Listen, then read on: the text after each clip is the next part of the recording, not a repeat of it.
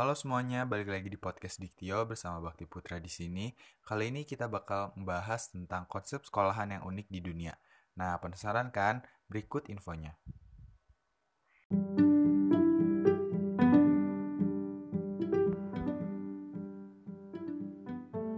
Nah, yang pertama ada sekolah terapung Makoko di Lagos, Nigeria. Sekolah yang terletak di Lagos, Nigeria ini memang mengapung di atas air karena letaknya di daerah pesisir.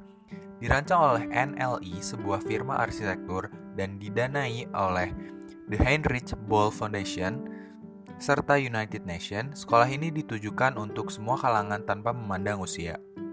Dengan konsepnya yang unik, sekolah yang luasnya sekitar 92.000 meter persegi ini dilengkapi berbagai fasilitas seperti ruang bermain, toilet kompos, dan tentunya ruang kelas. Semua ruang bisa muat sampai 100 orang loh. Wah, besar juga ya kapasitasnya. PBB mengestimasi pada tahun 2050 populasi Afrika akan meningkat dua kali lipat. Selain itu, faktanya yang terjadi adalah kebanyakan penduduk yang mendominasi Afrika berumur muda. Sekolah ini adalah salah satu upaya PBB untuk memberdayakan para pemuda di sana.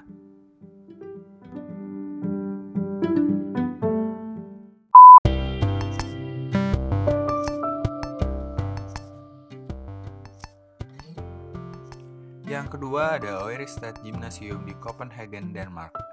Oiristed Gymnasium adalah sebuah kelas yang raksasa yang bisa menampung 358 siswa di dalamnya.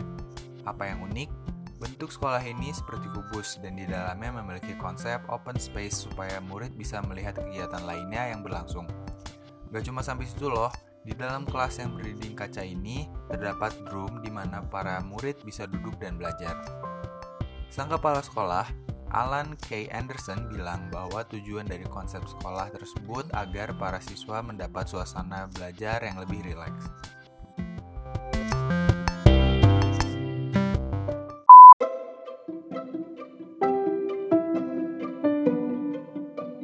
Yang ketiga ada Big Picture di Rhode Island.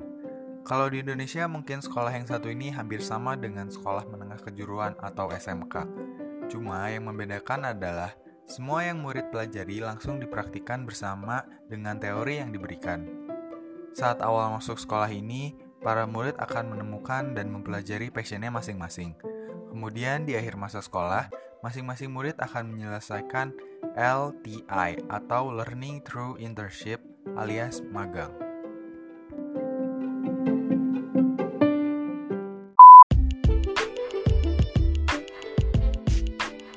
Keempat ada Alt School di San Francisco, California. Sekolah yang satu ini bisa dibilang sekolah Silicon Valley. Itu loh markasnya Facebook, Google, dan perusahaan IT lainnya. Dengan konsep yang penuh teknologi, para murid yang bisa dibilang seumuran anak SD ini udah siap diajarin 3D modeling loh. Sang CEO, Max Ventila menjelaskan bahwa sekolah ini akan mempersiapkan anak-anak menghadapi perubahan global. Gak cuma teknologi, layaknya sekolah pada umumnya, di Alt School ini anak-anak akan diedukasi mengenai problem solving, sosial emosional, dan merancang goal di masa depan.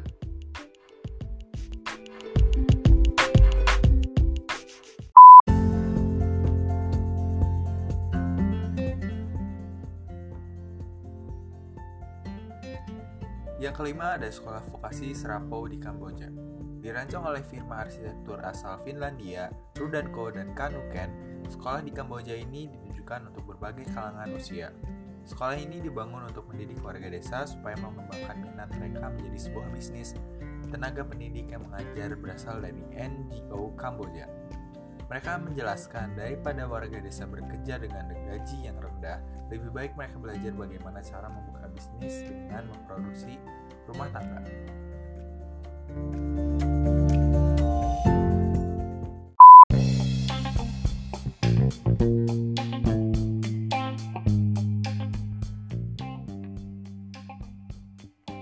Keenam, ada P-Tech High School di Brooklyn, New York.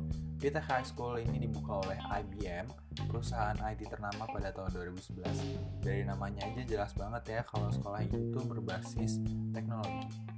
P-Tech High School ini menawarkan program yang jelas menjembatani sekolah dengan kampus. Di program tersebut, para murid yang telah lulus dari bangku SMP akan menempuh pendidikan selama 6 tahun. Setelah lulus dari program tersebut, murid akan segera mendapatkan gelar sarjana di kampus berbasis teknologi juga di New York. Ilmu yang diajarkan di sana semuanya berbasis STEM, Science, Technology, Engineering, Math. Di tahun 2017 ini, Tech High School baru saja meluluskan angkatan pertama mereka loh. Sang pencetus sekolah, Stanley Little, memaparkan bahwa sekolahnya tidak hanya menjembatani para siswanya untuk cepat mendapat gelar sarjana, tapi juga supaya mereka bisa mendapat karir menjanjikan di masa depan.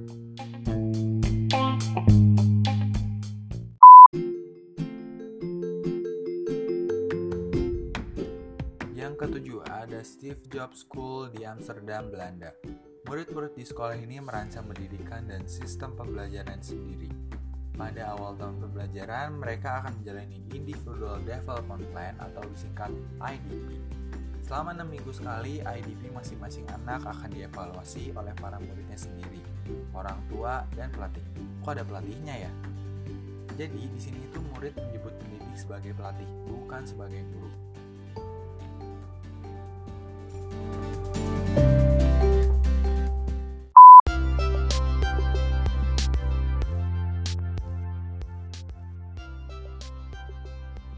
Yang kedelapan masih di San Francisco, California, yaitu Bright Work School. Sekolah yang didirikan oleh Jiffer Talib pada 2011 benar-benar bukan sekolah yang biasa. Para murid diajarin hal-hal yang berbahaya yang dilarang oleh orang tua mereka. Semua murid dari TKA hingga kelas 12 diajak bermain kotor-kotoran, bermain api, memakai peralatan rumah tangga yang gak aman bagi anak kecil dan membuat karya seni. Kata Jiffer, para murid diajak dan dirangkul untuk andil dalam pendidikannya sendiri. Dengan begini diharapkan para murid bisa lebih termotivasi mengembangkan keterampilannya dan minatnya.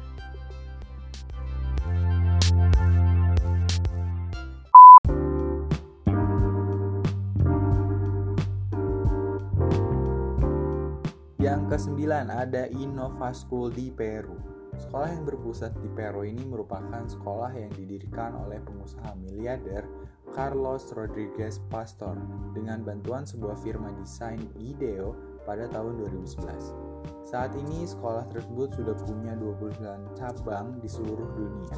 Berbasis to heavy online learning, para murid di sekolah mendapatkan pembelajaran melalui internet.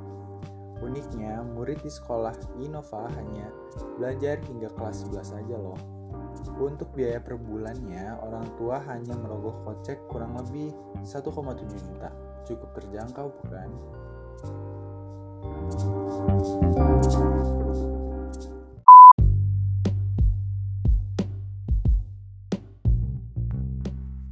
Yang terakhir ada Carp Dean School di Icon, Ohio. Ya, kalau dilihat dari luar maupun interiornya sih, sekolah ini persis banget kayak kantor ya dipenuhi dengan cubicle yang bersekat-sekat ala kantor, ternyata ada maksudnya loh. Sang CEO Dr. Robert Summers menjelaskan kalau sekolah ini ingin para muridnya berkonsentrasi dan mencapai targetnya masing-masing. Setiap cubicle yang ada komputernya ini menjadi tempat untuk masing-masing muridnya belajar sesuai dengan minatnya. Bukan juga bermaksud agar muridnya lebih individualis, tapi Robert ingin agar murid-muridnya siap menghadapi masa depan dan bisa sukses di bidang yang mereka sukai.